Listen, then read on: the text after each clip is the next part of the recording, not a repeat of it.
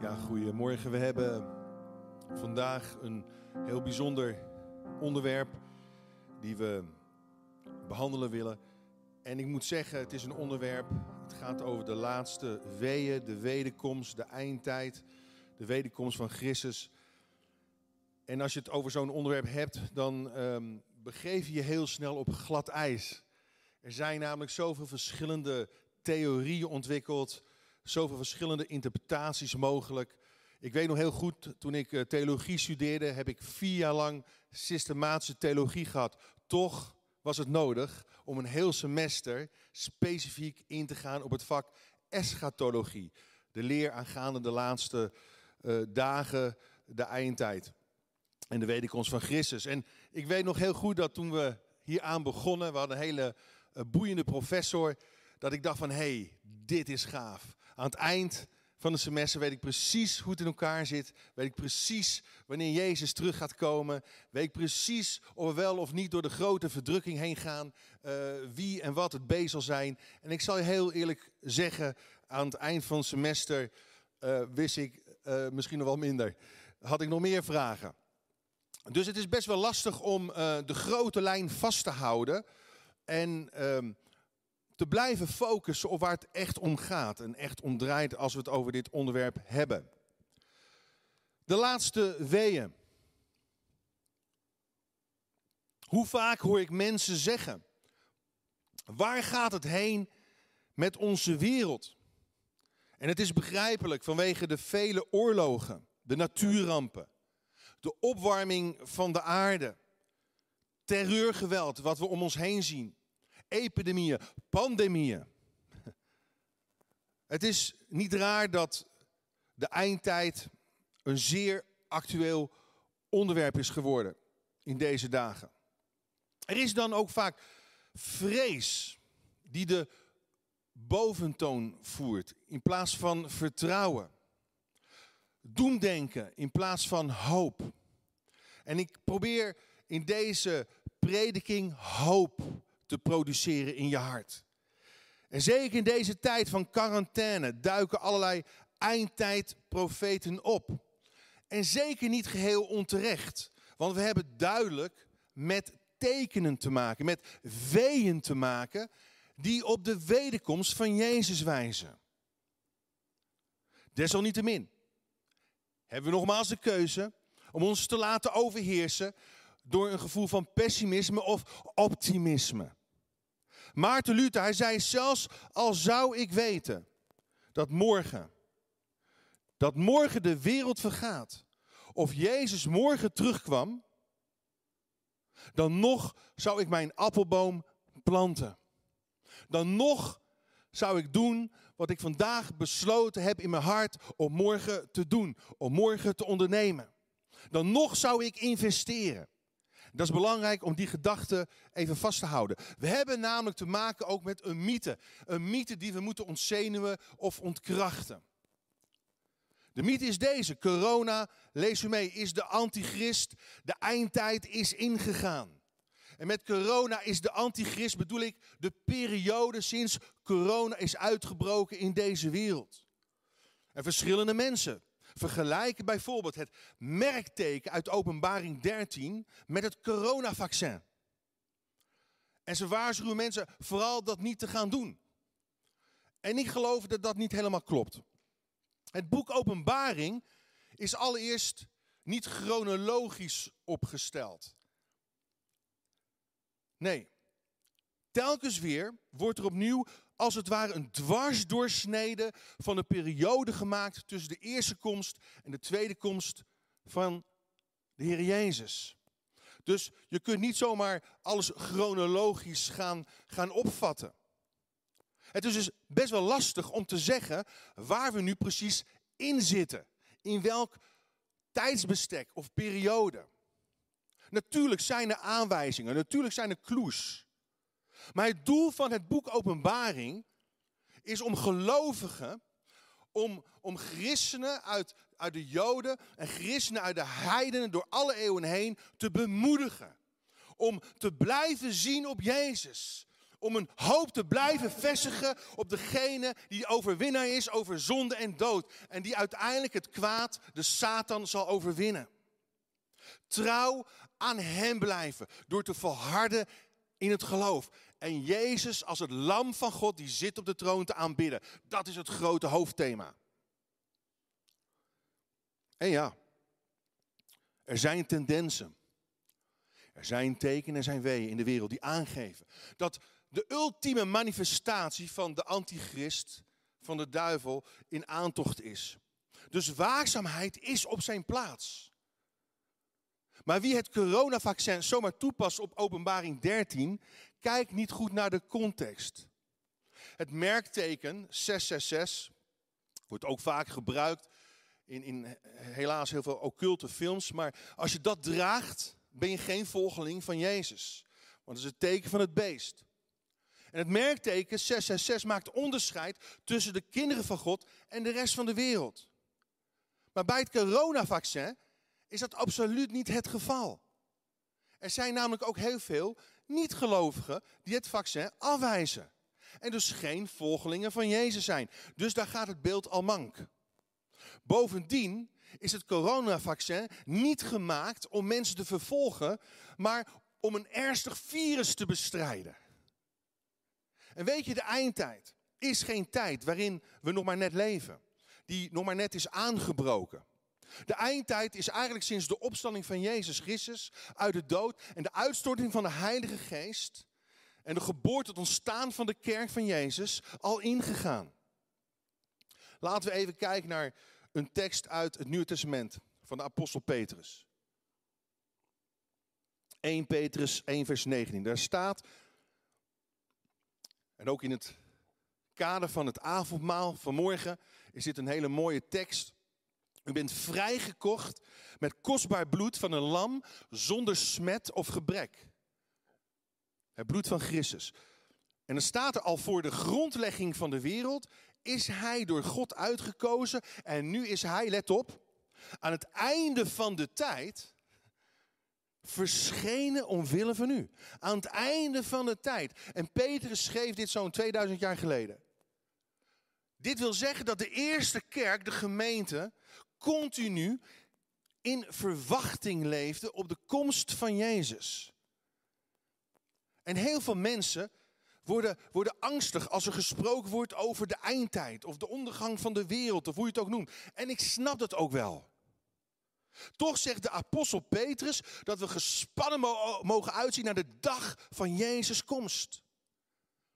In 2 Petrus 3 vers 10 zegt de apostel, de dag van de Heer zal komen als een dief. En hij citeert eigenlijk de woorden van Jezus. Hoe heilig en vroom moet u dan niet leven? En dan zegt hij, zie gespannen of vol verwachting uit naar de dag van de Heer. Dus niet vol angst, maar vol verwachting. Niet vol vrees, vol verwachting. En bespoedig zijn komst. En bespoedig zijn komst. En ik wil dat ook straks nog even gaan uitleggen en op terugkomen. Dus, hoe moeten we hierin staan in deze tijd van onzekerheid, uh, van misschien machteloosheid, misschien wel van moedeloosheid. En het is al zo vaak gezegd, ik ga al die dingen niet herhalen die ook op televisie verschijnen. Maar hoe moeten we alsnog ons opstellen? Wat, wat is wijs? Wat is wijs? Ik geloof dat we gespannen mogen zijn, niet overspannen. Gespannen mogen uitzien naar de komst van Jezus. Niet, niet overspannen gaan reageren. Het resultaat is namelijk dat je dan heilig gaat leven. Dat, dat, dat, je, dat je dingen die, die niet goed zijn in Gods ogen gaat afleggen. Je reinigt jezelf, want je wil niet dat Jezus, als hij terugkomt als een dief in de nacht, jou aantreft terwijl je nog aan het zondigen bent, los van God leeft. Misschien normloos, onethisch. Want, zegt Petrus eigenlijk hier indirect, een zuivere kerk bespoedigt zijn komst. En de grote handvraag, lees mee, is deze natuurlijk. Ja, maar wanneer komt Jezus dan precies terug? En ook de discipelen vroegen aan Jezus: Heer, gaat u dan binnen afzienbare tijd het koningschap over Israël herstellen? En weet je, sommige mensen kunnen zo geobsedeerd raken door die vraag. Ze willen precies uitpluizen hoe het zit. Hoeveel horentjes het beest zal dragen. Welke president het meest op de antichrist lijkt. Hoeveel dagen Jezus precies terugkomt. En ze maken zich drukker om bepaalde theorieën en misschien wel complottheorieën dan om het lot van mensen om hen heen die Jezus niet kennen.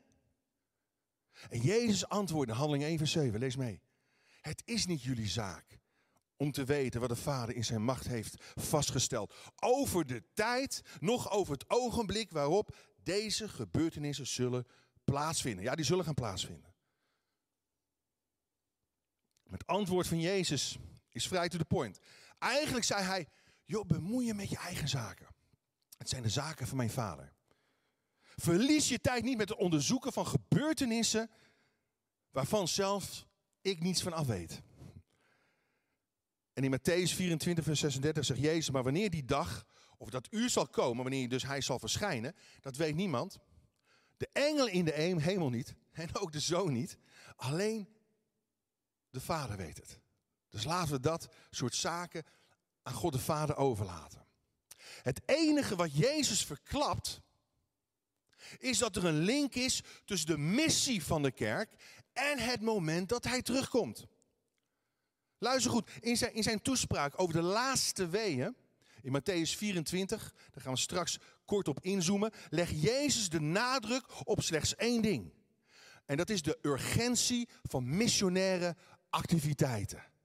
De urgentie om het getuigen zijn van Jezus handen en voeten te geven hier op aarde.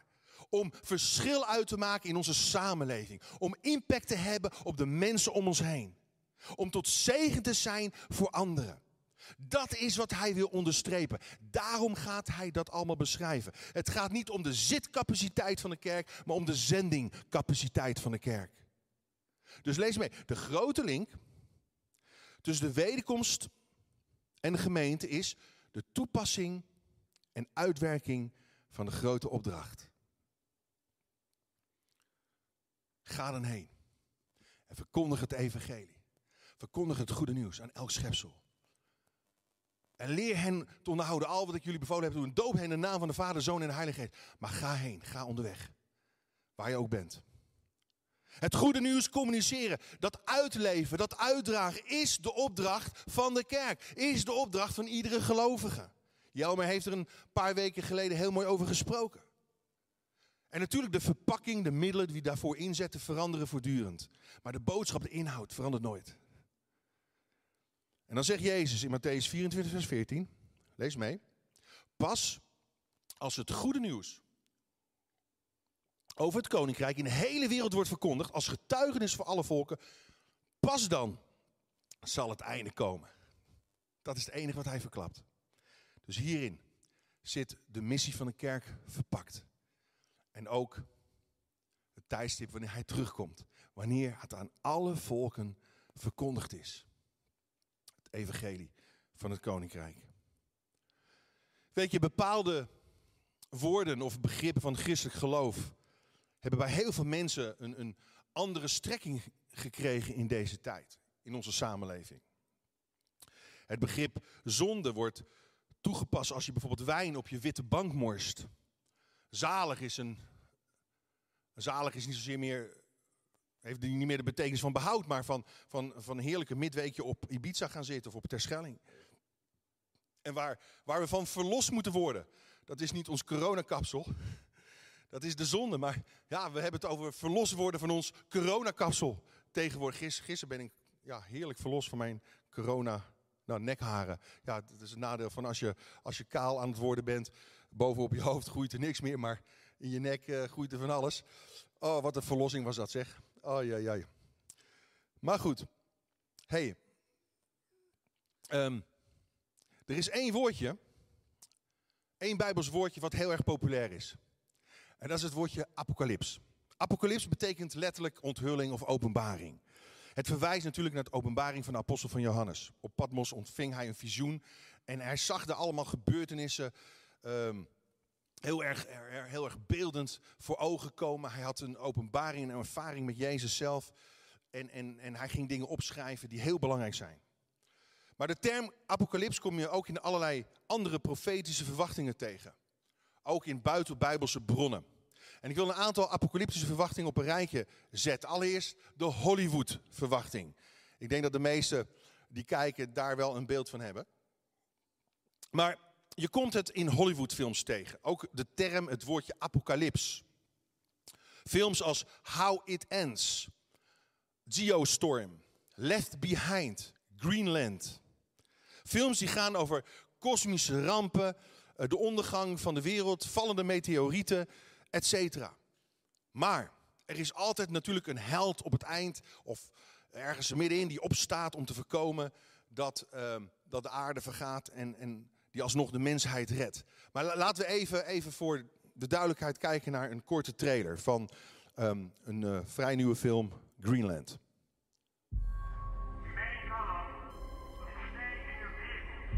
What is it? What's going on?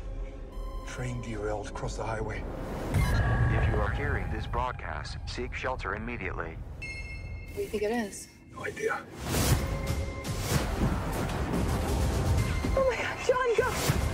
Shut in the back! Cover Nathan! The only thing people want to talk about today is this interstellar comet called Clark. NASA's saying it appeared out of nowhere from like a different solar system. This is a fragment entering the lower atmosphere. Three, two, one, and impact. What is the explosion? What's a chunk of rock? Rocks don't explode. Yeah, tell that to the dinosaurs. The sky's on fire. Come on, let's go. With the largest fragment expected to hit in less than 24 hours, space agencies are expecting an extinction level event. The greatest chance of survival are the bunkers in Greenland. We're gonna go, gotta go now. Okay.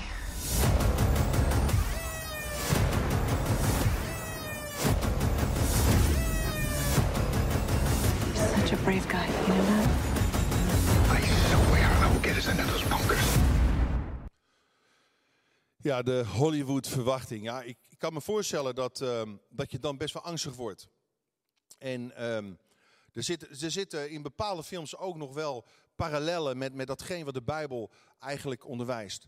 Maar goed, de, de wetenschappelijke verwachting is een volgende verwachting. Een, een, Franse wetenschapper uit de 16e eeuw, Nostradamus, hij schreef een boek, Les Prophéties.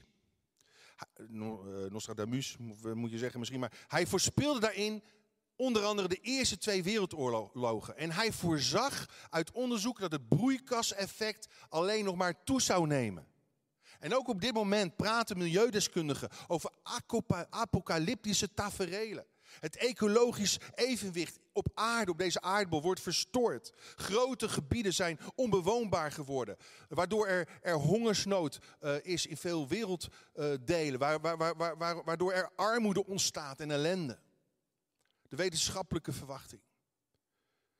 Dan de bijbels-theologische verwachting.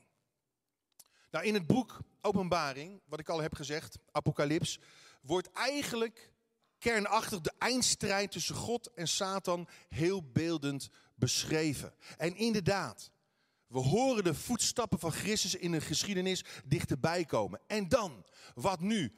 Wat moeten we doen? Moeten we ons angstig verbergen in, in betonnen bunkers en, en blikken eten in gaan slaan? Moeten we ons isoleren? Moeten we onszelf terugtrekken uit deze wereld? Als we het hebben over de eindtijd, dan moeten we dit voor ogen houden. Te alle tijden. Dat is wat Jezus zei. Ik ben met jullie. Al de dagen. Tot aan de voltooiing van de wereld. Weet je, we zijn op weg naar de geboorte van Gods nieuwe wereld. En dat is eigenlijk de hoop die de Bijbelse verwachting produceert in ons hart. En zo komen we ook in de Bijbel twee scenario's tegen. 2 Petrus 3, vers 12, lees mee. Opnieuw, zie gespannen of zie vol verwachting uit naar de dag van God en bespoedig zijn komst. Vind ik zo mooi, hè? Dat er staat, bespoedig zijn komst. Dus, dus als de gelovigen met, met volle verwachting uitzien naar die dag, dat wil zeggen, ze heiligen, ze, ze reinigen zichzelf. Ze leven in vrede met elkaar. Ze blijven God dienen met de gave talenten die ze hebben ontvangen. Dan bespoedigen ze zijn komst. Als ze zijn opdracht uitvoeren. En dan staat er op die dag zullen de hemelse sferen in vlammen opgaan. Dat zien we dan ook vaak in die Hollywoodfilms. En de elementen wegsmelten in de vuurgloed. Maar wat we niet horen, wat we niet te zien krijgen in die Hollywood-verwachting of in die wetenschappelijke verwachting, is het volgende gedeelte. Maar, maar volgens Gods belofte verwachten wij een nieuwe hemel en een nieuwe aarde waar gerechtigheid zal wonen. Waar gerechtigheid zal wonen. Wauw. Ik ben met u tot aan de voltooiing. En weet je, voltooiing is niet een volledige vernietiging. Het is vernieuwing. Dwars door al het verderf heen wordt het op een dag weer hemel op aarde. In de voltooiing verdwijnen de littekens van het kwaad en de boze. Maar we krijgen wel eerst een aantal voortekenen te zien. Weeën, voordat Jezus terugkomt. Laten we kijken naar een hemelse satellietfoto.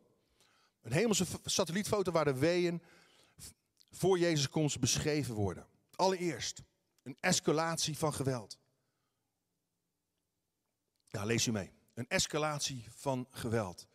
Toenemende escalatie van geweld. Matthäus 24, vers 6. Het komt hierop neer. Het vuur van haat en, en agressie in onze samenleving zal toenemen. En natuurlijk er zijn altijd oorlogen geweest. Maar wat is er dan anders? Er doet zich als het ware een geweldsspiraal voor, een toenemende escalatie. Dan, wat zal er nog meer plaatsvinden? Een opeenstapeling van rampen en epidemieën. Dan zijn er hongersnoden, dan zijn er aardbevingen. En natuurlijk, ondanks de hoge vlucht van wetenschap en techniek, kunnen we uiteindelijk de honger niet zomaar uitbannen. Ondanks de vooruitgang van medische kennis zijn er telkens weer nieuwe kwalen. En we staan machteloos. Ook tegenover niet alleen een virus als corona soms, maar ook tegenover het natuurgeweld van orkanen, vulkanen, overstromingen, aardbevingen. Dan vervolgens agressieve en publieke vervolging van Joden en christenen. Vervolging en onderdrukking breekt uit onder gelovigen. En we hebben het gehad over Openbaring 13, waarin het merkteken van het beest uh, naar voren komt, het nummer 666. Dit moet je denk ik vooral symbolisch zien. Hoewel ik niet uitsluit dat dit ook een letterlijke, misschien wel digitale invulling kan krijgen. Maar als het nummer 666, en daar komt op neer, niet af te lezen is van je manier van leven, je manier van denken, je manier van handelen, word je gehaat en gemoord, vermoord. Want dan behoor je tot Jezus. Er zal een complete relatiechaos plaatsvinden. En dat betekent ook geestelijk verval binnen de kerken. Men, men, men zal gaan dwalen. Vele dwaalleringen zullen de kerk kunnen gaan beïnvloeden. Mensen kunnen doen af, afkeren van het geloof van God. Gelovigen zullen misschien zelfs elkaar uitleveren, elkaar haten. Valse leer zal verwarring, versplintering teweeg brengen door valse profeten. En dat leidt uiteindelijk tot relatiechaos. Er zal uiteindelijk natuurlijk een verschijning komen van de antichrist.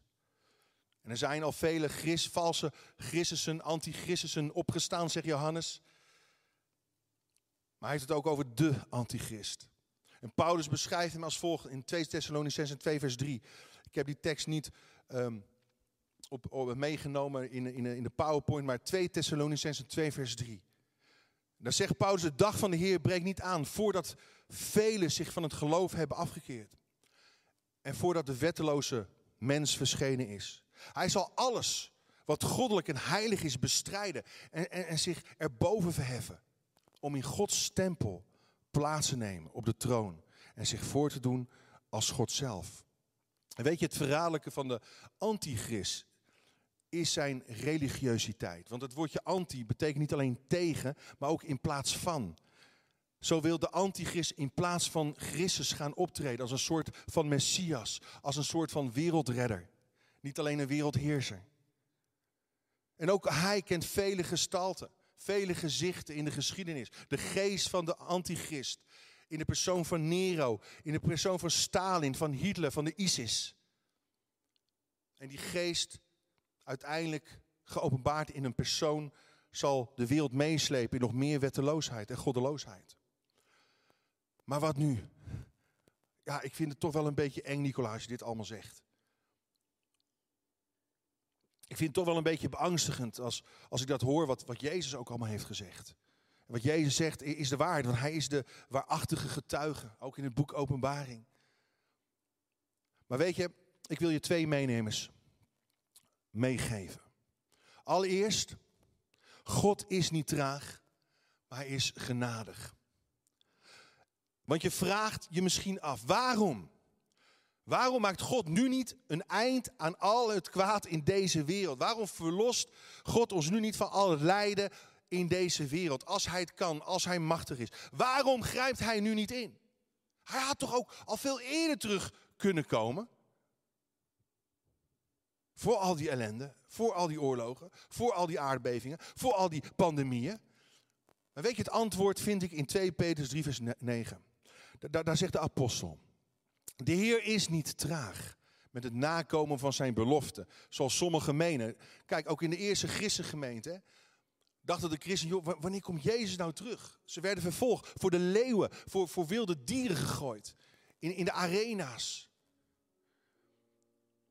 Ze werden tot een schouwspel gemaakt, belasterd, bespot, vervolgd. Wanneer houdt het op, die ellende?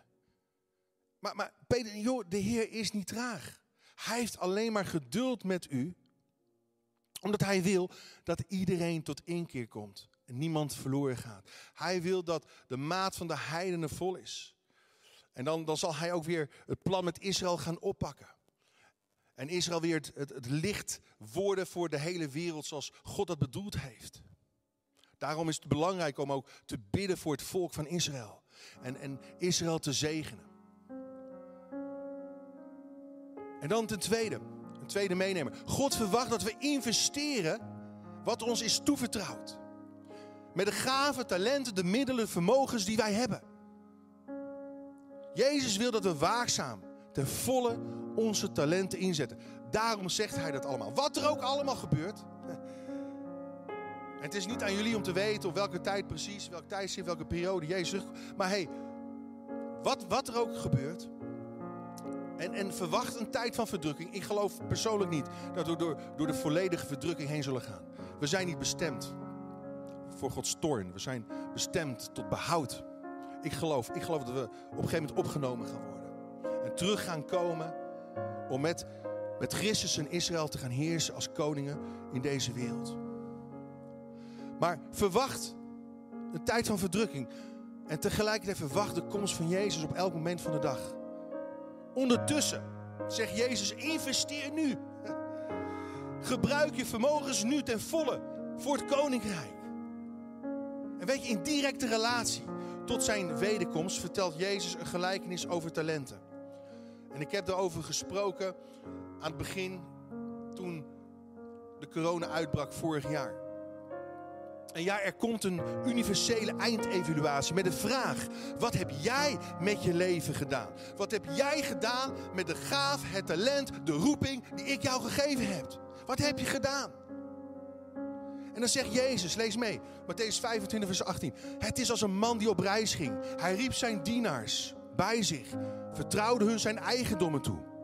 Maar de dienaar, die één talent had gekregen, ging een kuil graven en verstopte het geld van zijn heer. Een hele tijd later keerde de heer van de dienaars terug en hij riep hen ter verantwoording, één voor één. Wat heb je gedaan met dat talent, met dat geldbedrag? Het was een enorm geldbedrag. Weet je, iedereen krijgt van God de unieke kans om zijn leven vruchtbaar te maken, productief voor God. De een kreeg één talent, de ander vijf. Het verschil maakt niet uit. Waar het om gaat is dit. Wat doe je met datgene wat jou is toevertrouwd? Wat aan jou wordt... Wat doe je met je leven überhaupt? Verspil je leven niet. Ga er wat mee doen. Ga jezelf ontwikkelen. Ga jezelf toeleggen om je gaven en talenten te benutten, te gebruiken tot zegen voor anderen. Weet je, je kunt uit angst heel makkelijk je talent in de grond stoppen. Zeker nu in deze tijd van quarantaine. Maar daar is geen excuus voor. Je kunt beter iets proberen trouwens. En plat op je bek gaan, zoals we dat zeggen. Door je talent begraven of onbenut te laten. En die man die zei, die dienaar met dat ene talent. Die andere had het vermenigvuldigd. Verdubbeld. Hij zei, uit angst besloot ik uw talent te begraven. Alsjeblieft, heer. Hier, hier hebt u het terug. Hier. Uit angst heb ik het begraven. En zijn heer antwoordde hem als volgt. Je bent een slechte, laffe dienaar. En hij zegt tegen de anderen met, dat, met die vijf talenten die er tien van had gemaakt. Pak hem dat talent maar af.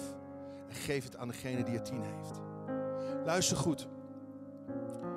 De duivel zal altijd proberen een angst te verbinden aan je grootste talent of gave. Zodat je die niet gaat gebruiken. Zodat jouw leven niet tot vrucht komt, tot, tot zijn bestemming komt. Weet je, als je geroepen bent om mensen te helpen, op welke manier dan ook, om mensen te dienen, om mensen te zegenen, zal er ongetwijfeld een stemmetje komen die zegt: Nou, dat kun jij toch niet doen? Wie ben jij nou? Jij stelt toch niks voor? Reken af met dat stemmetje. Reken af met die boze gedachten. Want Gods stem is: Ik zie potentieel in jou. Ik wil dat je gaat investeren dat wat ik jou gegeven heb. Want ik, ik wil het gebruiken tot vernieuwing van mensen. Ik wil het gebruiken tot, tot bemoediging van mensen, tot vertroosting van mensen. Dus mijn vraag is, in hoeverre ben je aan het investeren? Ook in een tijd van corona. Wat weerhoudt je? Weerstand van mensen? Angst om te falen? Verstop je niet langer achter smoesjes en, en, en verwijt om God niet te dienen, om niet uit te stappen. Zullen we onze hoofden buigen en, en gaan bidden. Heer, en je mag dat gebed in je hart met mij meebidden. Heer, wilt u mij helpen om u te blijven dienen. Om trouw te blijven aan uw naam, aan uw koninkrijk, aan uw kerk. Heer, mijn talent, mijn gave wil ik niet voor mezelf houden. Maar ik wil door mijn gave, mijn talent in te zetten, uw komst bespoedigen. Heer, dank u wel dat u mij weer nieuwe kansen geeft en weer nieuwe mogelijkheden. Ik kies vandaag, heden, om u te dienen. Ik en mijn huis.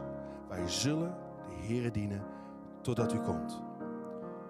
Wees zo gezegend in Jezus' naam.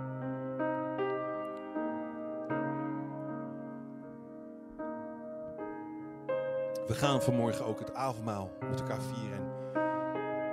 Ik hoop dat je er rekening mee gehouden hebt. Anders ga nog snel even naar de keuken.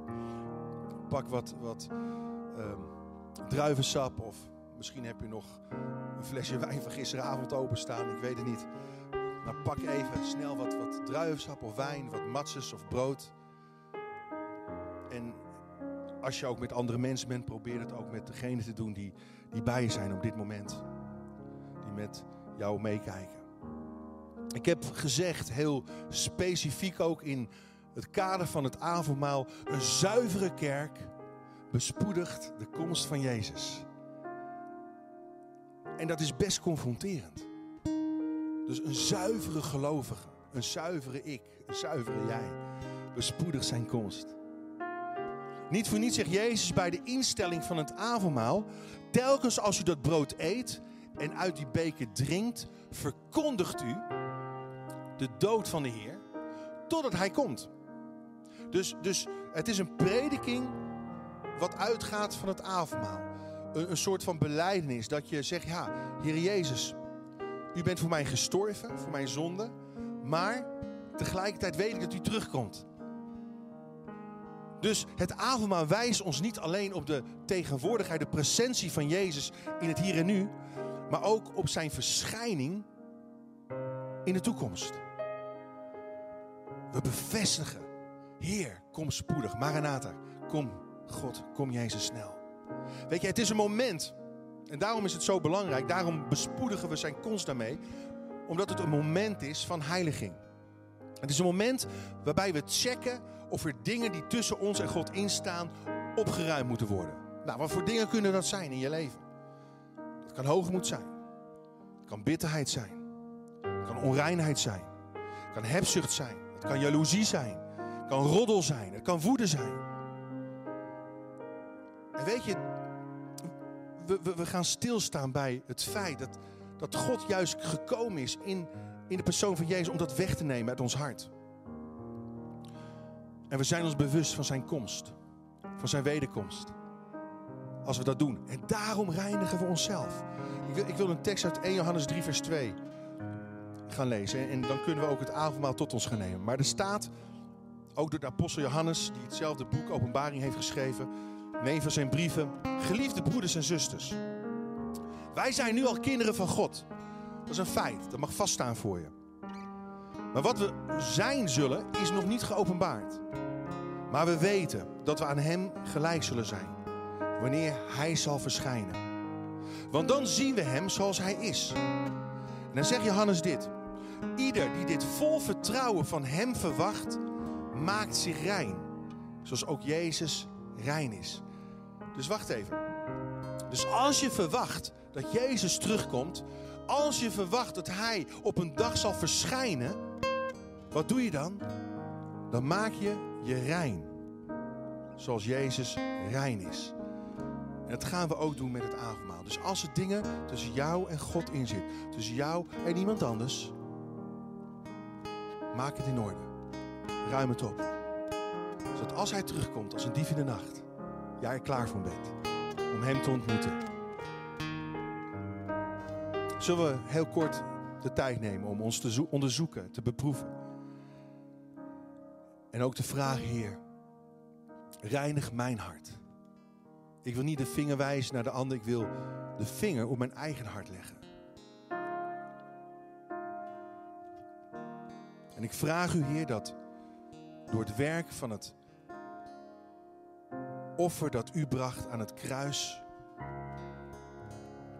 onrecht, onreinheid, wat er ook mag zijn, weggespoeld mag worden. Door de kracht van uw bloed, kracht van uw leven. In Jezus' naam. Amen. En de Heer Jezus, hij, hij nam het brood en hij brak het. Ik hoop dat je nu ook het brood tot je hebt genomen. En Jezus zei, dit is mijn lichaam. Doe dit telkens weer om mij te gedenken.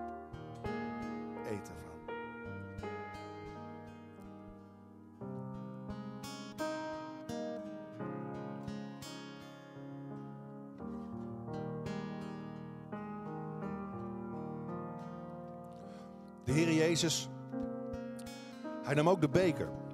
En hij zei, dit is, deze beker is het nieuwe verbond. Staat symbool voor het nieuwe verbond. Dat door mijn bloed gesloten wordt. Doe dit om mij te gedenken. Zullen we daaruit drinken?